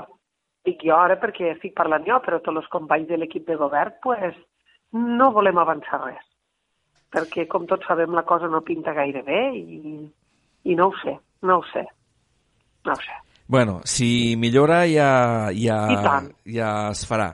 Em... No patíssiu, que ho arreglarem i us invitarem a tots que vingueu. Sobretot eh... a la gran festa, que ja sabem quina és, la del Calamant. Eh, alcaldessa, eh, aquesta, la, de, la, de, la, la festa major, és una, oportun, una oportunitat única per a que l'alcalde o l'alcaldessa de la població, en aquest cas del Perelló, es dirigeixi als seus veïns, als seus conveïns, no? Mm, bueno, és un moment on, on es repassa l'any, és un moment on, a més de felicitar les festes, pues, també, diguéssim que se dona alguna novetat. Mm, aquest any, mm, com ho fareu? És a dir, heu pensat alguna manera en què vostè com a alcaldessa pugueu fer, no, no dic ja el pregó, perquè evidentment, no, evidentment és, que no. és, un, és un acte que s'aglomera moltíssima gent, però de quina manera se suplix això tan, tan esperat i tan tradicional de que és el dia que l'alcalde o l'alcaldessa mm, diu als seus als seus conveïns el que, el que ha de dir, no? I a més començant l'any com són les festes al Perelló. Mira, Sí, és un acte, a veure, com has dit tu, eh, sí, emblemàtic i que allí és el dia que et dirigeixes a, a tot el teu poble i que parles amb ells. Però, bueno, pensem, o jo penso sincerament ara com a alcaldessa, ja parlo com a, com a jo sola, ja no dic, jo no parlo en nom de l'equip del govern, eh, jo crec que els veïns del poble tots tenim, o haurien de tindre, i si no la tenen, haurien de treballar... Jo, vaja, jo penso que tots la tenen, per a, per a apropar-se, en este cas a mi, i parlar-me i preguntar-me, Maria Cinta, qui, quines idees teniu per l'any que ve? Què penseu fer? Jo crec que això, si és per això, i aquí és així, molta gent, cada ara, i això què farem, i allò què pensàveu fer? És tan fàcil com això. Nosaltres ara, a l'acabar l'any, editem sempre un butlletí i fem un repàs de tot el que han fet durant l'any, és dir, que tot, tot està escrit, queda per escrit, és una cosa física, no el que es pugui dir aquella nit allà dalt, que dalt d'un escenari, que tampoc aquests últims anys el meu predecessor, Ferran, Ferran Cid, i jo ho vaig fer igual l'any passat, creiem que tampoc és un dia per anar enumerant tot el que tu has fet durant l'any i, i, i dir el que faràs és un acte, o almenys ell ho va enfocar, i jo continua, vaig fer l'any passat, i enguany si s'hagués pogut fer continuaria així. Jo trobo que és més per, per donar l'inici a l'any i, i que tothom tingui un bon any, felicitar els Antonios i Antònies, que els Antonios i Antònies al ser el dia del patró, bueno, doncs tenen un estesanes especial per a tots, parlar una miqueta de de coses del poble, però sense entrar al que han fet o el que han deixat de fer i tot això. Jo trobo que ha altres moments per explicar això al poble. Jo trobo que aquella nit és més de cara encara unes festes, encara un any que tots donar un bon any a tothom i la proclamació dels quintes les pubilles, que és la, seu, la seva nit també, i ja tindrem més moments a l'any per explicar-ho. I com he dit, tot el que hem fet durant l'any, les, les ajudes que hem tingut a subvencions, les, les, les coses que hem realitzat, el que tenim previst fer de cara a l'any que ve, nosaltres hem editat un butlletí, com fem fa molts anys que es venia fent, i aquí la gent ho té tot molt clar. I el que no tinga clar té la suficient confiança i si no la té l'hauria de tindre des d'aquí. Els dic als perellonencs que ja us dic que no, perquè quan ja venen aquí com si, bueno, com, com si vinguin a parlar la Maria Cinta de tota la vida, molt, no com a alcaldessa, que és el que no ha de fer mai, vindre que, ui, vaig a parlar a l'alcalde, no. Venen a parlar a la Maria Cinta i ja està. A mi i als altres companys regidors. Alcaldessa... Eh... Amb tota la confiança, ja està. Per acabar, eh, si s'hagués de, si de dirigir als perellonencs i perellonenques davant de la festa de Sant Antoni, com ho, com ho faria? Doncs com ho faria? Dient-los que, que, tot, bueno, que tots saben que enguany, malauradament, les festes no han pogut fer el que nosaltres pensàvem que fer, que haguessin sigut, com sempre han sigut al Perelló, unes festes molt boniques, unes festes per estar units tots. Jo voldria que allò que ens uneix per festes majors, que diràs que estigui tot el poble unit, això continués tot l'any, que disfrutin en la seva família del dia de Sant Antoni i, evidentment, de tots els altres dies de l'any, que la pandèmia este ens ha ensenyat a tots que realment el que val és tindre els teus a prop i disfrutar dels teus, que és, és molt bonic també conviure amb els veïns per això, ja vindran altres temps, que sobretot tinguem salut tothom? I dir-los-hi que el dissabte tindran una sorpresa a les seves cases, que ningú s'ho espera, però tindran una sorpresa casa per casa. Simplement és lo, el que els hi voldria dir. Bon dia de Sant Antoni, no podem dir de festes majors, bon dia de Sant Antoni a tothom, i que puguem encarar un any 2021 amb el que dic que és el principal salut per a tothom i que puguem vacunar-nos tots i que aquesta pandèmia s'acabi i que puguem tornar a la normalitat, al viure el dia a dia, al poder reunir-te amb els amics, al anar a fer un cafè al bar, al xerrar, al criticar, que diem-ho així. El poble és això, i és així, és la idiosincràsia d'un poble, criticar, si això ho han fet bé, si això ho han fet malament, el que han fet bé, el que han fet malament, pues replicar-ho més i ja està viure el dia a dia el que estem acostumats tots. Pues... I que, bueno, sentim molt, enguany toca així, però quan podem fer festes, pues, farem la, una festa ben gran, que tots ho necessitem i ens tornarem a trobar tots. I el cas és això, que puguem estar tots altra vegada junts. Pues, alcaldessa, ja no afegiríem res més, ho deixaríem aquí perquè queda la mar de bé. Per tant, moltíssimes gràcies, com sempre, per atendre'ns, eh, felicitar a tots els perellonencs i perellonenques pel dia del patró, que és aquest diumenge, dia 17, dia de Sant Antoni, i, bueno, i a veure si això millora i al llarg de l'any se pot celebrar alguna cosa més, i si no, doncs ja hi haurà noves oportunitats. Haurem d'esperar a Sant Antoni de l'any que ve. Alcaldessa, sí. moltíssimes gràcies, com sempre.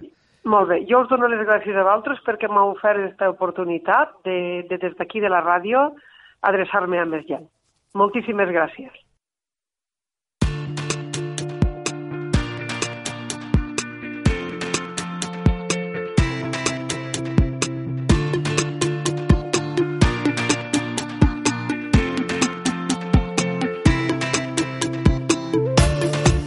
Bé, ja ho han sentit, eh, les primeres festes majors que s'han hagut d'ajornar per aquesta situació que des de fa pràcticament eh, un any des de fa eh, des del passat mes de març estem patint aquesta pandèmia i que eh, al llarg de l'any passat ja va fer caure moltíssimes eh, la pràctica totalitat de les festes majors dels nostres pobles i ciutats i que en este 2021 de moment porta el mateix camí ja que com acaben d'escoltar també ha fet suspendre les festes majors del Perelló, en aquest cas, les festes de Sant Antoni.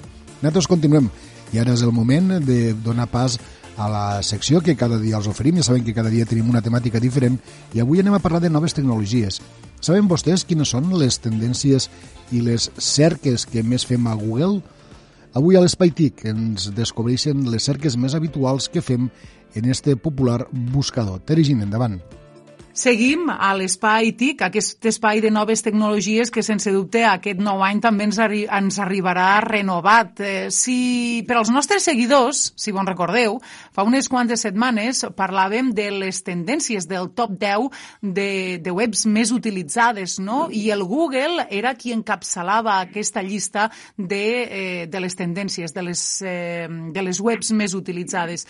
Avui anem a explicar què és el que busca la gent al Google? També serà, sense dubte, una, bueno, serà molt clarificador saber quines són les tendències i què és el que més busquem en aquest tipus de, de, de motors de cerca. Tenim nosaltres, eh, com sempre, a Mercè Fort de l'Espai TIC de Santa Bàrbara, eh, que és qui ens acompanya també en, aquest, eh, en aquests minuts. Mercè, benvinguda, bon dia, gràcies.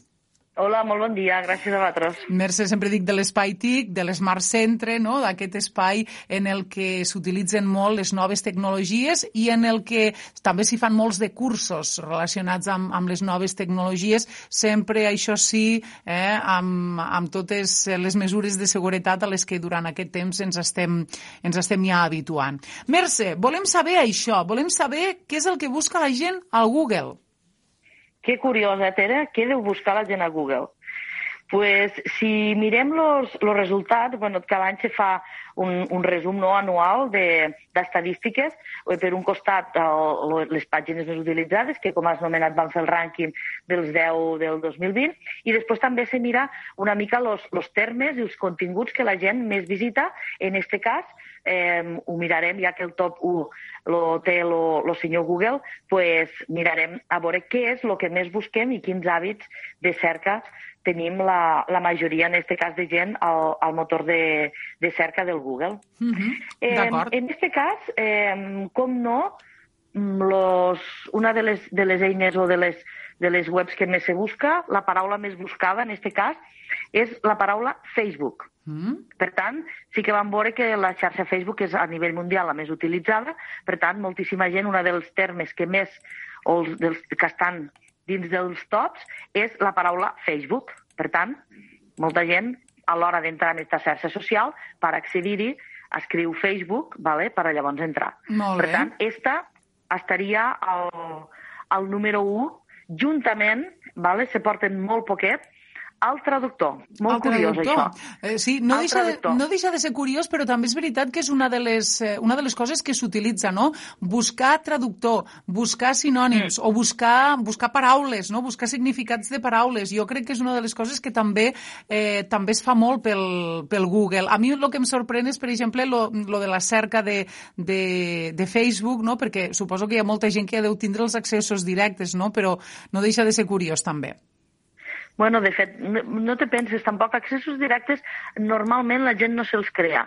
Uh -huh. eh, jo, tots els usuaris que ens passen per aquí, la majoria de gent fa això directament quan entra al, al motor de cerca, escriu la paraula Facebook, Facebook. que evidentment no me la cal ni acabar d'escriure, ja sabeu que ja en la intuïció intel·ligent ja te surt, però clar, ell ja la compta com a paraula buscada, i, i Facebook i traductor, de fet, per punts se situa el traductor un, un punt per dalt del, de la cerca de, de Facebook. Uh -huh. Per tant, sobretot s'utilitza el traductor a anglès, des de diferents idiomes vale, al, a l'anglès.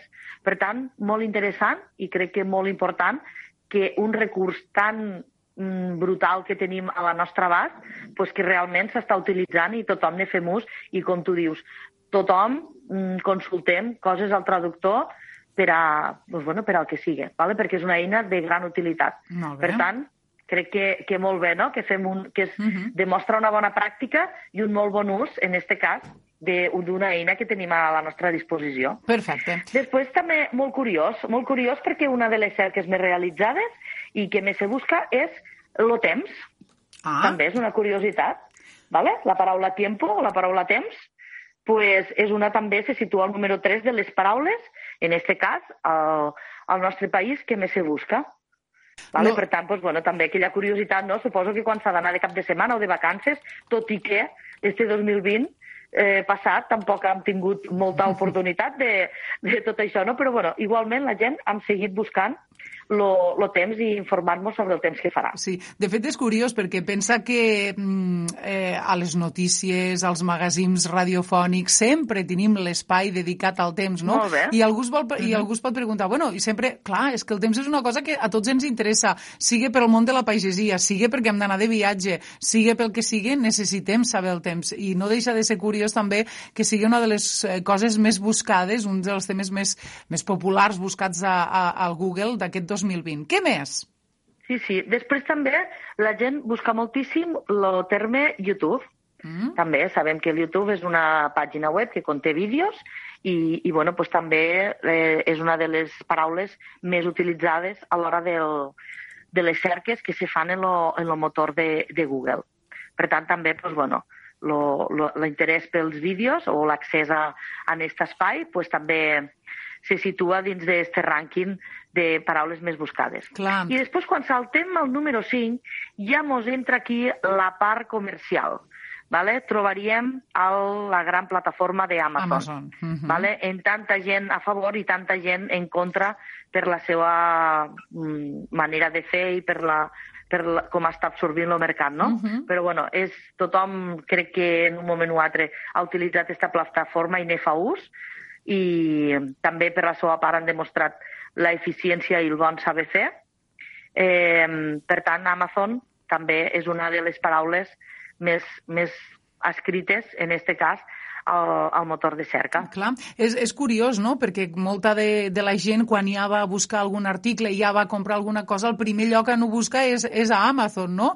I a vegades podríem posar el nom de l'article, però la gent ja busca a Amazon i, i a partir d'allí ja comença a buscar aquell article.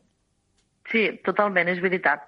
Sí, sí, que en moltes, si mires, hauria de ser a l'inversa, però moltíssima gent ja primer que res va a Amazon, allí té la referència, el visualitza, moltes vegades ja almenys té el preu, i a partir d'allí fa més cerques en, en altres llocs. Però no, la realitat és que és un referent a nivell mundial en, en ventes de tot tipus d'article i bueno, ho demostra mm -hmm. el fet de que està dins de les cinc paraules més buscades que és, és dir molt, eh? Clar, jo no, no, no voldria fer-li més propaganda perquè és el que tu dius, no? Ha generat molta controvèrsia i especialment, per exemple, per als eh, municipis petits com els nostres, hem de sempre recordar la importància que és eh, comprar al comerç, al comerç local, al comerç de proximitat. Però també és veritat que moltes vegades eh, hem de, hem de mirar no? aquest èxit en, en què rau, no? o a què es deu. De fet, tu quan compres eh, a Amazon, per exemple, eh, saps el dia que t'arribarà més o menys, saps si tardarà molt, si no tardarà, si en 24 hores ho podràs tenir. És a dir, són, uh, són també aquestes dades que, que et dona que fan que tingués una compra, mm, podríem dir, és que si necessito este article per a demà i ells m'asseguren que el tindré, ho compro, no? Vull dir, que, que hi ha molts aspectes eh, que fan que per això sigui tan popular i que, que sigui una de les més, eh, dels més utilitzats a l'hora de vendre productes. Sí, sí, vull dir, és, és, tenen una atenció al client i una... El, el, és que és excel·lent, dir, no té altra cosa, és excel·lent. Uh -huh. Tothom que ha comprat la garantia d'Amazon és un segell de, de qualitat i de, i de garantia de bon servei. Encara que els incidents ne passen a tothom, eh? perquè igual algun oient pues, ha tingut una mala experiència, però en general els números són que el servei és pues, això, excel·lent. Però, bueno, com tu dius, sempre això no? toca moltes fibres sensibles i no s'ha d'oblidar mai lo, eh, el comerç de proximitat i, i és així. Però bueno, també eh, te fica, és una plataforma que posa eh, la tenda de tot a molt a prop de, en, este, en este any també que han passat que moltes coses no has pogut anar a llocs mm -hmm. perquè no ho trobes tu a la teva població, doncs te ho apropa i te ho porta a casa. Clar. Primer buscar-ho al poble eh? i després si no ho trobem sí. com, a, com a cosa excepcional pues ja, ja recurrirem a Amazon. Ja ho trobem a Amazon. Què més, Mercè? Bueno, passem al número 6. Al número 6 ja trobem eh, mitjans de comunicació. Mm -hmm. En aquest cas, el diari El País, Uh -huh. és, eh, com, a, com a continguts d'informació digital, pues, se situa ja en aquesta posició. Per tant, sí que també és veritat que el que són les notícies, la gent ho cerca moltíssim. És una de les eines també més utilitzades. Sí. Temps i notícies, com tu dies, no? Si mos parem a, a, a veure tant tots els mitjans de comunicació, de ràdio, de televisió, treballeu contínuament per això, no? per generar notícies, per informar la gent, perquè tothom pugui eh, accedir ràpida i fàcilment a tota la informació actualitzada, doncs, bueno, en aquest cas queda demostrat de que la gent realment fa ús després d'aquestes de, eines i que va a buscar la informació Sí. i que la gent vol estar informada. Sí, vol estar informada, però lo curiós és que em dius que és el País el diari que, que més Sí, visualitzen, en eh? este cas, lo primer que se, lo primer que se visualitza és el país. Estem parlant, en este cas, de, dels termes buscats a nivell, en este cas, nacional, eh? Sí, sí. Perquè, clar, en, després farem un breu comentari així a nivell mundial, perquè no és que varia molt, però, bueno, en este cas, a nivell nacional, el país pues, és el més, lo més consultat, sí. D'acord. Què més? Després ja passem al, la paraula Gmail.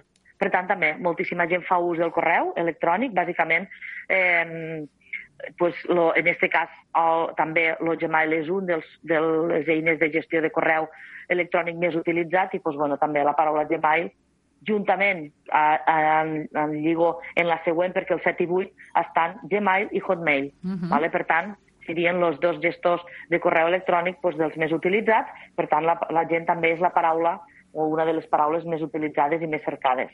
I el 9 i el 10, què tenim? Bueno, i 9 i 10 també anirien de, de la mà perquè són la, lo marca i l'AS. Mm. Diari marca, diari AS. O sigui que Vale? dintre l'àmbit informatiu veiem que l'àmbit esportiu, o sigui, dintre la informació Sí. veiem que l'àmbit esportiu és el més visualitzat, eh? perquè també hauríem pogut veure, de dir, pues, ah, hi, ha, hi ha la ola, no? Eh, la gent vol més societat, no? Veiem que l'esport eh, lidera davant de la societat. Pues sí, i a més a més, ja ho lligo també que a nivell mundial, eh, de fet, una de les coses que més se busca és informació esportiva. Resultats d'equips, enfrontaments, horaris d'equips... Vale? Això ja no parlem de termes, sinó que de conceptes o de preguntes, perquè hi ha algunes preguntes molt curioses que es fan a nivell mundial, de, i una de les que més, de preguntes que més surten habitualment és enfrontaments, sobretot del Barça, Vale? Hi ha moltíssimes cerques de resultats i informació del Barça i del Real Madrid. A nivell mundial, eh? Mhm. Això ja parlem a nivell mundial. Per tant, hi ha molt interès en aquest cas per, per el futbol de- d'estos dos equips. Perfecte. Vale? I m'agradaria... I, bueno, i, bueno, no acaba... El, m'ho deixo per al final lo, lo top 2020, però una pregunta que m'ha llevat moltíssim l'atenció, que se fa moltíssim, vale? i que està dins del rànquing de les preguntes més buscades, ara sí que parlem a nivell mundial, sí. és ¿por qué el cielo es azul? Per què el cel és blau? Per què el cel és blau?